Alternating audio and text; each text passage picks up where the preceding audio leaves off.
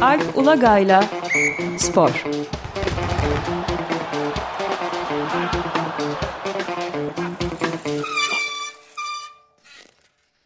Günaydın Alp, merhabalar. Günaydın Ömer Bey. Günaydın. Günaydın Özdeş. Evet, gündemimiz nasıl bugün? Spor gündemimiz. Şöyle, şöyle görelim. Ee, bu, bu hafta bir sürü uluslararası kurum, içinde 5 milletler de var. İklimle ilgili raporlarını açıkladılar değil mi? Hatta dün ya da bir önceki gün açıklandı. Birleşmiş Milletler'inki var. Ee, şeyin e, Climate Institute'unki galiba New Evet. Climate Institute'unki var. İşte, işte e, State of Climate Action raporu. E, Dünya Meteoroloji Örgütü'nün Tam-. Evet tamam işte bunlardan bunların üzerinden birer bile geçmeden biz dünyanın en büyük e, fosil yakıt üreticisi ülkelerinin birinde Dünya Kupası izlemeye başlayacağız. Tam bir tezat oluşacak yani. Evet. Bu herhalde rapordaki tespitler ve önerilerle beraber işte bir sürü şey var. O öneri neredeydi? Şimdi dün bir sürü haberleri de okuyorum. Yani gelişmiş ülkelerde et tüketiminin kişi başı haftada iki hamburger köftesine indirilmesi lazım ki işte bir ilerleme kaydedelim mesela. Et tüketimiyle ilgili. Bunun hangi raporda olduğunu şimdi hatırlamıyorum. Dün gece hepsini böyle teker teker bakarken haberleri şimdi hatırlayamıyorum. Yani halbuki işte fosil yakıt tüketiminin getirdiği sorunları zaten biliyoruz. Dediğim gibi işte dünyanın en büyük doğal gaz üreticilerinden biri hatta bir tür işte mikro ülke sayılabilecek. Kendi nüfusu sadece 700 bin olan galiba ve işte 2,5-3 milyon yabancı çalışanın yaşadığı bir mikro ülkede Dünya Kupası izleyeceğiz. Katar'dan. Tam bir tezat. Katar. Ekmeği. Evet yani her anlamıyla bir e, tezat olacak aslında. Çünkü bunun işte buradan kazandığı para parayla spor üzerinden propagandasını yapan bir ülke zaten. Ha, diyeceksiniz diğer ülkeler e, Batı dünyası spor üzerinden propaganda yapmıyor mu? Yapıyor tabii. E, bu herkesin kullandığı e, araçlardan biri haline gelmiş durumda. Yeni değil yani bu çok. Olimpiyatlar üzerinden zaten bunun hikayesini anlatabiliriz. Böyle bir e, ulusal propagandanın. E, bu sefer onun başka bir türünü izleyeceğiz. Hani e, daha ilginç olanı da bir mikro ülke olduğu için çok küçük ölçekte bir alanda e, milyonlarca kişiyi ağırlamaya çalışacaklar. İşte yani 1.2 milyon futbol seyircisinin Katar'a geleceği tahmin ediliyor ve tüm statlar işte zaten Doha ve civarındaki e, alana kurulmuş durumda. E, herhalde seyircilerin önemli bir kısmı da geçen programlarda da konuşmuştuk. Çevre ülkelerde kalıp günübirlik ziyaretlerle gidip gelecekler maç için. İşte bir sürü ön şartı var ülkeye gidip gelmenin. E, bunları da birkaç birkaç kez konuştuk zaten. E, yani şu en baştan yapılan hataydı. E, hani bu Dünya Kupası Katar'a niye verildi? Şimdi önümüzdeki haftalarda e, Netflix'e 9 Kasım olması lazım. Bir belgesel de geliyor FIFA'da, FIFA'daki yolsuzluklar üzerine yapılan. Hatta bu konuda en önemli kitapların birini yazan, Red Card isimli kitabı yazan Ken Bensinger'da kitabın iki, e, belgeselin iki yıldır danışmanlarından biriymiş. E, hatta bununla ilgili tweet attı. Çok önemli bir, ya gerçekten ciddi bir spor belgeseli olacağına inandım bu sefer. Öyle hani bir kulübü ya da sporcuyu yıkama, yağlama şeyi değil. E, programı olmayacak gibi hissettim. Ee, Adı ne dedim filmin Alp? Ee, bir saniye. FIFA Takip edelim diye söylüyorum yani. Soruyorum. e, Neyse daha sonra daha FIFA'ydı. FIFA öyle mi? Ee, tam şimdi Netflix ismini unuttum. Bir saniye. Şey yapabiliriz yani o kadar. Önemli değil buluruz da biz de yani. Şöyle FIFA Uncovered. Ha, FIFA Uncovered. Evet. Yani İngilizce ismi. Türkiye'de bilmiyorum başka bir isim. Ne onlar mı? Genelde Netflix yapımları değil mi? Orijinal isimleriyle herhalde. Türkiye'de Evet, anlıyorlar zaten. FIFA ile ilgili gerçeklerin açığa çıkması yani. Evet, çünkü bu hem 2018 Rusya hem 2022 e, Katar Dünya Kupası'na karar ver- veren icra kurulu üyelerinin tamamına yakını bir şekilde işte cezalandırılmış, soruşturmaya uğramış veya bir süre görevlerinden uzak, uzaklaştırılmış e, durumda. Yani durumda derken çoğu FIFA icra kurulu üyeliğinden ayrıldı tabii. Yani belki işlerinde böyle lekelenmeyen tek kişi Şener Zerzik bu arada. Hakkında bir e, iddia olmayan tek kişi ama onun da herhalde bir takım duydukları, gördükleri vardır. Keşke anlatsa. E, bu bakımdan kilit bir kişi bence. Yani çünkü böyle bu liste o FIFA icra kurulunun 2010'daki icra kurulunun isim listesi yayınlanır. Hepsinin yanında harfler ve işaretler olur işte. İşte e, mahkum oldu, cezalandırıldı, soruşturma sürüyor falan diye. evet.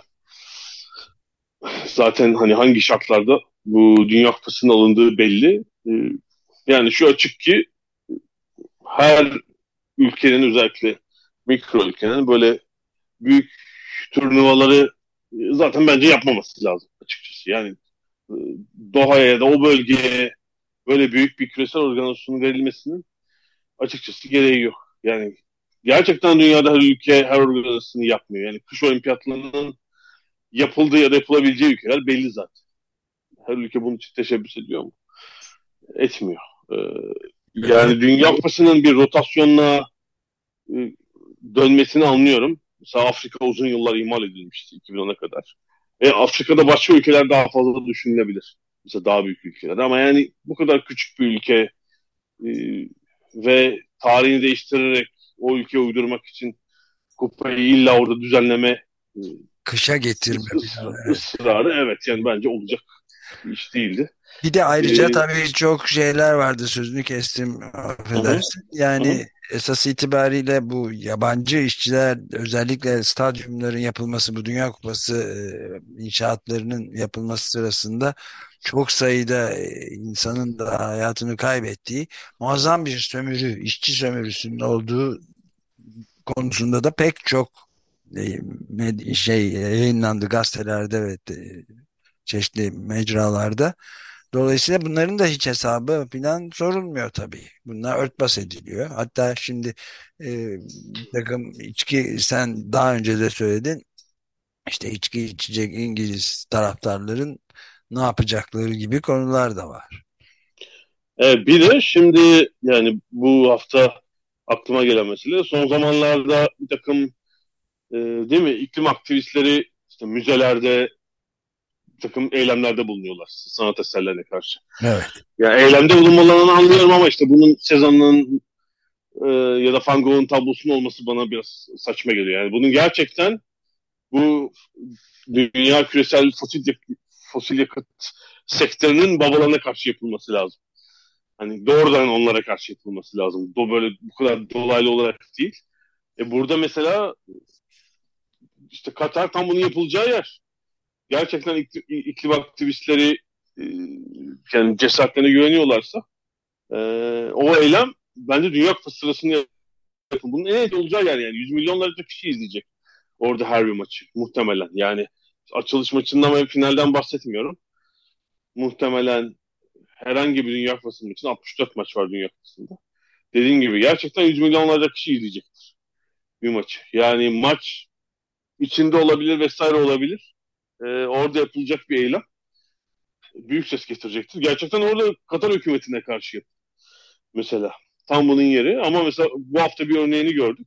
E, Britanyalı LGBT aktivisti Peter Tatchell e, Dünya Kupası öncesinde işte böyle pankart açıp bir eylem yapmaya kalktı. Hemen gözaltına aldılar orada. Evet. Mesela. E, yani bakın böyle eylemlere de herhalde kolay kolay müsaade etmeyecekler. Cesaret isteyen bir iş olabilir. Ee, şeyi de atlatalım. Katar Dünya Kupası sırasındaki Katar'daki güvenlikten sorumlu kolluk kuvvetler arasında Türkiye'den gönderilen 3000 kişilik bir çevik kuvvet polis kadrosu yer alacak. Bir de sanıyorum bir savaş gemisi de yolluyor Türkiye. Geçen günlerde TBMM'den çıkarılan tezkere sonrasında. Yani denizden Katar'ın korunmasına da yardım edecek Türkiye. Bunun için ödenen e, bedeli parayı falan bilmiyoruz tabii. Yani herhalde. Aktivistlere karşı mı denizden aktivist taarruzu olursa onu önleyecek Türkiye? Yok herhalde genel bir başka terör saldırısı vesaire denizden bir saldırı artık şeyini bilemiyorum onun gerekçesini. Ama Katar'ın herhalde kendi güvenlik güçleri yetersiz olduğu için Türkiye'den bu konularda son derece tecrübeli 3000 çevik kuvveti. Ee, o yani ne zaman gidecekler bilmiyorum. Yakında gideceklerdir herhalde. 4-5 hafta için ülkede barındıracaklar. Yani başka ülke dışından gelen başka güvenlik güçleri de var herhalde ama bu Türkiye'den gelenin önemli bir görev üstleneceğini anlıyorum ben bu konuda son derece tecrübeli e, birimin. E, dediğim gibi bir de gemi var işte üzerine. Neyse bu da böyle. Yani bir ilginç. Ben çok açıkçası sağ içinde ve dışında e, sorunlu ve biraz da olaylı bir Dünya Kupası bekliyorum. Yani bir takım sorunlar olacak ve hem FIFA'nın hem ev sahibi Katar'ın bunlarla baş etmekte zorlanacağını düşünüyorum. İşte e, bir takım mil takım oyuncuları gökkuşağı pazuban takacaklar. Kaptanlık bandı. Yani mesela bu bence sorun olacak turnuva sırasında. FIFA ile didişim olacak. Ev sahibi ülke yöneticileriyle didişim olacak falan yani bu konuda. Yani en, en basitini söylüyorum. Bunun dışında işte eylem vesaire olabilir. Gazetecilerin evlere girmesi yasak falan bir sürü kısıtlama var. Bunu elbette aşmaya kalkanlar olacak. Bununla ilgili bir sürü sorun ve bu sorunlar üzerine haberler izleyeceğiz biz kupa boyunca yani sahada olan bitenin dışında. İlginç bir Dünya Kupası bizi bekliyor. Gerçekten 20 Kasım'dan itibaren. Burası evet. böyle olsun. Bir de son dakika haberi gördüm. Onu Hı. da e, seninle paylaşayım bu konuda. E, İtalya'da bir saldırı olmuş. Milano'da bir süper. Ya evet dün akşam. Evet. Değil mi dün akşam? Saldırı. Evet. Ve Arsenal oyuncularından Pablo Mari'nin de e, hastanede olduğu, bıçaklandığı gibi bir Evet ben de dün gece Twitter'dan paylaştım BBC'den gelince. Herhalde Carrefour'da mı oluyor çünkü bir zamanlı Carrefour çalışanı hayatını kaybetmiş. Bu evet. saldırı. Herhalde engel olmaya çalıştı. Onun yanında dört kişinin yaralandığı söylendi. Yaralananlardan biri de eski Arsenal oyuncusu bu sene İtalyan takımlarından Monza'da oynayan Pablo Mari. O da herhalde tesadüfen marketteydi. Sonra kim Monza takımının yöneticisi galiba Galliani açıklama yaptı ve sağlık durumunun iyi olduğunu söyledi ama yaralananlar arasında yani tabii kötü bir tesadüf kendisi açısından. Evet. Ee, bir, yani bir kişinin yaşamını yitirmesi zaten başta başına çok kötü. Ee, Milano'da umarım... da Milano Fiori şeymiş alışveriş merkezinde olmuş duydum gördüğüme göre. Evet, evet. Yani Niye gördüm. saldırgan bir taraftar falan mıymış yani? Yok hiç öyle olduğunu zannetmiyorum. Zaten hani ne soygun mu ba bayağı böyle Hayır şey bayağı bir saldırı. Ee, yani Amerika Birleşik Devletleri insanlara karşı girişilen saldırılardan biri. Neyi protesto ediyor bilinmiyor. Tabii yani ABD'deki kadar bir sürü ülkede kolay silah edinilmediği için herhalde bıçakla yapabilmiş neyse ki. Bunun ABD versiyonunda bunun değil mi? Yani 12 kişi ölür, 38 kişi falan yaralanırdı herhalde. Evet. Böyle bir saldırının maalesef. Maalesef evet. Yani öğretmenlerin bir sürü okulda e, kendilerini korumak için silah taşıdığı, okula silah götürdüğü haberlerini falan görünce gerçekten inanılsın gelmiyor bazen. Peki buradan e, Türkiye atlayalım. Şimdi ilginç iki kulübün aslında yaptıkları biraz Türkiye'deki sporu da bize e, sporun durumunu da anlatıyor. Biri Beşiktaş geçen sezonun ortasında sonuna doğru hatta göreve getirdikleri Fransız teknik direktör Valerian İsmail futbol takımındaki görevinden alındı bu hafta ve yerine anladığım kadarıyla bugün yapılacak bir basın açıklamasıyla yine Şenol Güneş gelecek. Güneş iki defa şampiyon evet. yapmıştı değil mi? Yapmıştı. 70 yaşında artık Şenol Güneş. Ee, yani bu özellikle Valerian İsmail'in geçen yıl herhalde Nisan ayında göreve geldiğindeki süreç değil ama bu sezon başına itibarenki süreç Türkiye'deki spor ortamını çok güzel özetliyor. Yani Beşiktaş Valerian İsmail'i Türkiye'deki şu eksikliği görerek göreve getirdi. Yani Türkiye Ligi'ndeki ma- maçların temposu düşük. idman temposu düşük idmanlardaki. Bunu Türkiye'den giden oyuncular da Türkiye'ye gelen oyuncular da söylüyor. Yani sizin idmanlarınızdaki tempo düşük. Özellikle Türkiye'den yurt dışına giden genç Türk oyuncular, Türkiye'den yetişen oyuncular diyelim. Bunu çok iyi anlatıyorlar. Yani bunun için Premier Lig takımına gitmelerine de gerek yok. Almanya'ya, Hollanda'ya, İskoçya'ya gittiklerinde de oradaki farkı görüyorlar. Beşiktaş bu farkı kapatmak için göreve Valerian İsmail'i getirdi. Çünkü işte takımlarını yani hem iyi çalıştırması gittiği takımları hem de onlara biraz daha dinamik futbol oynatmasıyla tanınan bir isim ama yani böyle büyük, büyük bir tecrübe değil. Büyük takımlarda çalışmış bir antrenör değil. E, herhalde bundan da kaynaklanıyor. Sezon başından beri benim biraz uzaktan gördüğüm özellikle dijital medya tarafındaki böyle hani kendine Beşiktaş yazarı diyen e, muhabirler, bir takım e, yorumcular inanılmaz şekilde yüklendiler. Ona daha birinci haftan itibaren işte Beşiktaş böyle oynamaz, şöyle oynamaz. Bu teknik direktör e, işte işi bilmiyor, oyuncular memnun değil falan diye ve bence yönetim üzerinde de önce sosyal medya sonra da Beşiktaş Spor Kulübü yönetimi üzerinde böyle bir etki oluşturuldu ve gerçekten beyni yıkandı yine e, Türkiye'deki futbol ortamının. İşte bence bunun da katkısıyla e, sonuçlar zaten çok parlak değildi sezon başından beri ama ligin kaçıncı haftasındayız? Herhalde 11. hafta geride kalmışken yani sezonun üçte biri tamamlamamışken Valerian İsmail görevinden alındı. Geçen e, haftaki e, yenilgiden sonra e, Hatay deplasmanında yenildiler ve görevinden alındı bunun üzerine birkaç gün sonra. Yani şey çok garip. Türkiye'de yeniliğe bir yeni aşama yapılmasını e, spor ortamı tamamen karşı. Yani tamamen yani Türkiye'de böyle genel olarak yeniliklere kapalı bir ülke haline geldi ya bu e, iktidarın e, özellikle ikinci on yılında. Tam ona onun paraleli bir futbol ortamı var özellikle. Bazı spor dallarında bir takım farklılıklar olabilir ama futbol tam bunun bir yansıması açıkçası. Kesinlikle dışarıdan, yurt dışından biri gelecek Türkiye dışından ama bir takım yenilikler yapmaya çalışacak. İnanılmaz karşılar. Yani özellikle yorumcu kesimi, futbol yorumcu grubu falan tamamen karşı. Çünkü onlar e, işte ar- arada telefon edip hocam nasılsınız e, diyebilecekleri bir Türk hocadan ve eski tip yöntemlerden e, yanılar. E, kesinlikle e, böyle bir yeni bir şey, risk alan bir teknik direktör, bir takım yeni ant, idman yöntemleri falan istemiyorlar. Özellikle işte mesela Rıdvan Dilmen gibi böyle köhnemiş bir takım spor yorumcuları bunun bence bayraktarlığını yapıyor artık. Bu ortamdan tamamen çekilmesi gereken kişiler. Yani e, bir takımı futbolun örümcek kafası diyebileceği. E, yolladılar. Şimdi kim geliyor? Şenol Güneş. Yani Şenol Güneş ve Fatih Terim tapınması devam ediyor bir şekilde. Dediğim gibi şunu istiyorlar yani. Şenol Hocam nasılsınız? Fatih Hocam nasılsınız? Haftada bir, bir iki telefon edip bunu diyebilecekleri bu hocalar istiyor ama bu hocaların artık Türk futboluna katabilecekleri bir şey yok.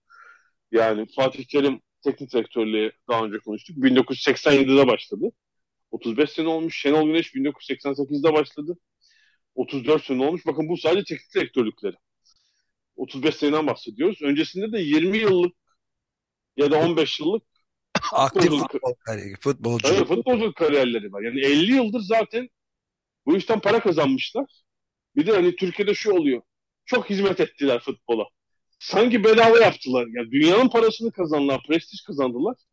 Hizmet ettiler deyince yani insan böyle yardım kuruluşunda falan çalıştılar zannediyor. Sanki Kızılay'da Kızılay'da çalıştılar sanki hizmet ettiler. Bedava yapmadılar ki. Dünyanın parasını ve şöhretini kazandılar bu sayede. Bir karşılığı var elbette onun. Bedava yapılmış bir şey değil. Yani işte ne Şenol Güneş'in ne Fatih Terim'in Türk futboluna katabileceği hiçbir şey yok artık. Hiçbir şey yok. Yani o hani belki dışarıdan yorumcu, danışman öyle bir şey danışılabilir, olabilir. Çok büyük başarılar imza attılar. Doğru. Yani belki üç, üç büyük teknik direktör sayabilir işte. Mustafa Denizli de ekleyerek kendilerini.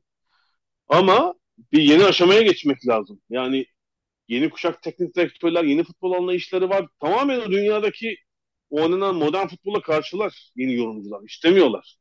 Evet, bir de mesela şey geliyor aklıma benim de Alp. Yani Yup Derval'den pek bahseden olmuyor. Halbuki tamamen altyapıdan başlayıp çok yapısal bir değişiklik, e, bir reform girişimi gerçekleştirmişti Galatasaray'da ve onun da sonuçları alınmıştı tabii. Yani o zaman tabii neredeyse 40 yıl önceden bahsediyoruz. Başka tip yöneticiler, başka tip insanlar ve e, işte başka bir futbol anlayışı, başka bir sabır vardı. Yani Beşiktaş'ta Gordon Mill'i getirdi. Evet. Ben çocuktum 35 sene önce. İlk 3 sezonunda Gordon Mill pardon 2 sezonunda 10 puandan fazla fark yedi ligde. Ki Beşiktaş'ın elinde Türk oyunculardan oluşan çok iyi böyle bir potansiyel vardı. Ama o zamanki başkan Süleyman Sabah sabretti. O iki sezon bekledi. Sonra 3 sezonluk Beşiktaş'ın Beşiktaş tarihinin en iyi dönemi geldi. Yani o dönemin Beşik, Beşiktaş tarihinin en iyi dönemidir. Yani o aşağı yukarı 10 yıllık dönemde Beşiktaş ya şampiyon ya ikinci oldu. 5 şampiyonluğu var herhalde Beşiktaş'ın. Evet tam 10 10 10 sezonda 5 şampiyonluğu var ve 4 ikinciliği var ki ikisi averajla kaybe, kaybedilmiş şampiyonluklardır. Ee, öyle bir dönem yaşandı.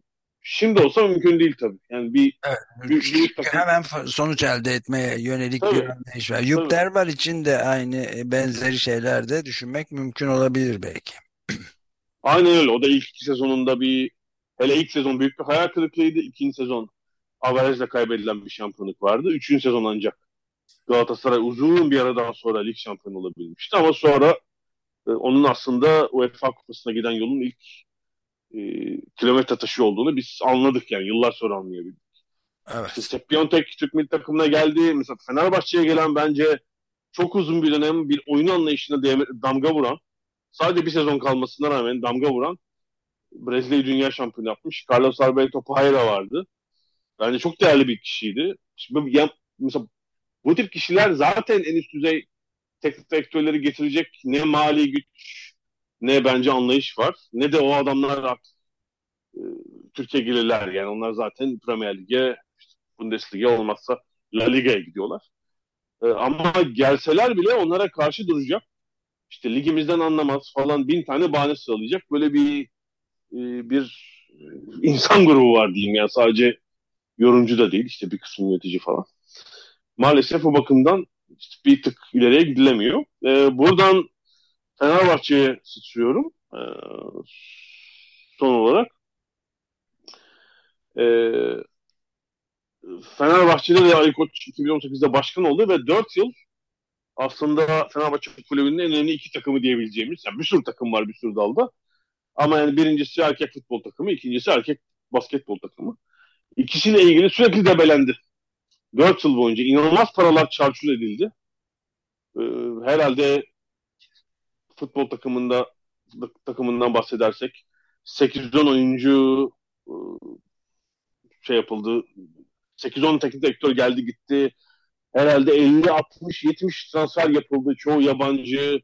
Biri beşi geldi, onu gitti falan. Böyle bir devre daimin içinde geçti. Nihayet 5. sezonunda başkanlığının sanki e, belki de o 4 başarısız sezonun deneyimiyle şeyi bulmuş gibi, doğru çözümü bulmuş gibi futbol takımının başında Orada da genç değil ama uluslararası tecrübesi olan e, Jorge Jesus var Portekizli ve farklı bir çizgi izliyoruz. Yani ortamda uygun bir ortam var aslında. Fenerbahçe'nin nihayet 9 liradan sonra şampiyon olmasına belki gidecek çizgide bir e, ortam var. E, çünkü işte Trabzonspor'un gazı alındı. Geçen sene şampiyon oldu. Galatasaray çok garip bir yapı içinde debeleniyor. E, çok bir şey çıkmaz. Beşiktaş'ta sezon başını bu Harala Görele'yle geçirdi. Bundan sonra Şenol Güneş de e, en azından hani bir hedefe yönelik nereye gider kestiremiyorum. Böyle bir ortam var ve George Jesus dediğim gibi aslında uz, kariyerin çok uzun bölümünü Portekiz'de geçirdi ama e, bir başarılı bir, bir buçuk yılı var Brezilya'da ve işte takımlarını Portekiz'deki çalıştırdığı takımları da Brezilya'daki Flamengo'yu da e, uluslararası başarılara taşımış bir isim. Yani Benfica onun ilk döneminde herhalde iki kez üst üste UEFA Avrupa Ligi finali oynadı. İkisini de dramatik şekilde kaybetti. Um, Flamengo'da uzun yıllardır kazanılamayan Güney Amerika'nın Şampiyonlar Ligi diyebileceğimiz Libertadores kupasını kazandı. 38 yıl aradan sonra yani 2019'da. Ve işte bir karizması, etkisi var. Yani bundan 30 yıl önce edindiği bir futbol anlayışı var. Onları e, sahaya bir şekilde yansıttığını görüyoruz biz. Dün akşam da işte 3-0 yenikken e, maçı 3-3'e getirdiler. UEFA Ren karşısında değil mi? Fransa'da. Ren, Ren karşısında evet yani Türkiye Ligi'nde de büyük puan farkları yok ama lider Fenerbahçe E, UEFA Avrupa Ligi'nde de son hafta gelecek hafta oynanacak son hafta maçları öncesi yine lider. İki tarafta da umut veren bir oyun var. Yani taraftar da bu sefer sanki o şampiyonluk yörüngesine girmiş gözüküyor. Böyle bir ortam var. Basketbolda da e, yani dediğim gibi 3-4 yıl debelendiler. Yani efsanevi koç Obradovic'in son sezonu da öyle çalkantılı geçmişti. Her sezon antrenör değiştire değiştire nihayet orada da galiba doğru ismi buldular. Ee, Yunan antrenör iki kez Avrupa şampiyonu olmuş. Dimitris Itudis CSK'dan Yunan, Sovyetler Birliği Sovyetler Birliği nereden çıktı? Rusya'dan geldi. Ee, ve Fenerbahçe'yi işte bu sezon hedefleri belli hedefleri taşımak için geldi ama hani muhtemelen onunla yapılmış daha uzun vadeli bir plan vardı açıkçası. Bu sezonu onlar çok iyi başladılar. İşte UEFA e, Euroleague'de 4'te 4 yaptılar. E, Türkiye Ligi'nde 4'te 4 yaptılar. 8 maçta 8 galibiyet. İyi bir başlangıç. Ama hani ciddi bir başarısızlık sarmalından geçmek zorunda kaldı Fenerbahçe bu noktaya gelmek için. Gerçekten 4 sene debelendiler. Sanıyorum bu sefer iyi oldular. Öyle gözüküyor. E, onu söyleyebiliriz. Sanıyorum. Evet. Peki. Evet. Burada da Sanıyorum. Evet.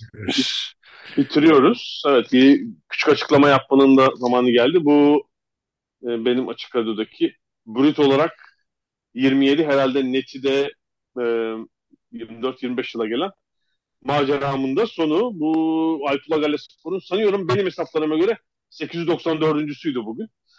Herhalde bu açık gazete içindeki spor köşesini yani daha önce yaptığım spor programları var ama bu spor köşesini de herhalde 2001 sonundan beri e, yapıyorum. Ben küçük aralıklar oldu.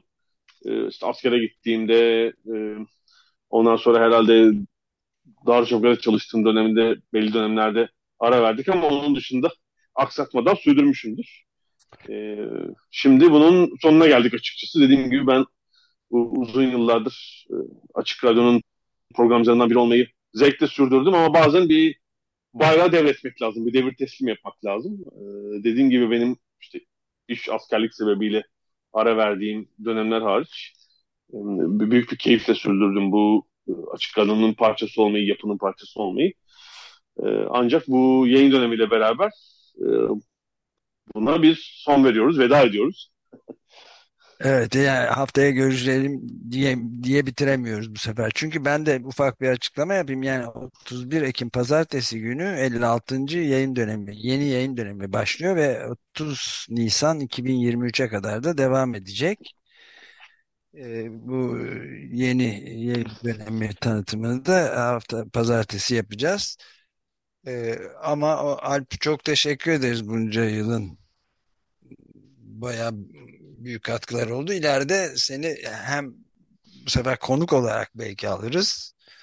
Ee, hem de devran döner nasıl olur ne olur bilinmez. Evet ben tabii bir açık radyo dinleyicisi ve dost olarak kalmayı tabii ki sürdüreceğim. Arada belki dışarıdan konuk gelirim. Bu arada tabii devir teslimi böyle yapmayalım. Ee, benden sonra bu bayrağı devralacak genç arkadaşımızı duyuralım. Ben bu bakımdan çok sevinçliyim. E, Aposto Dijital Medya'nın spor editörü Burcu Biçer. Bundan sonra Açık Gazete'nin içindeki spor bölümünün bölümünü hazırlayacak ve yorumcusu olacak.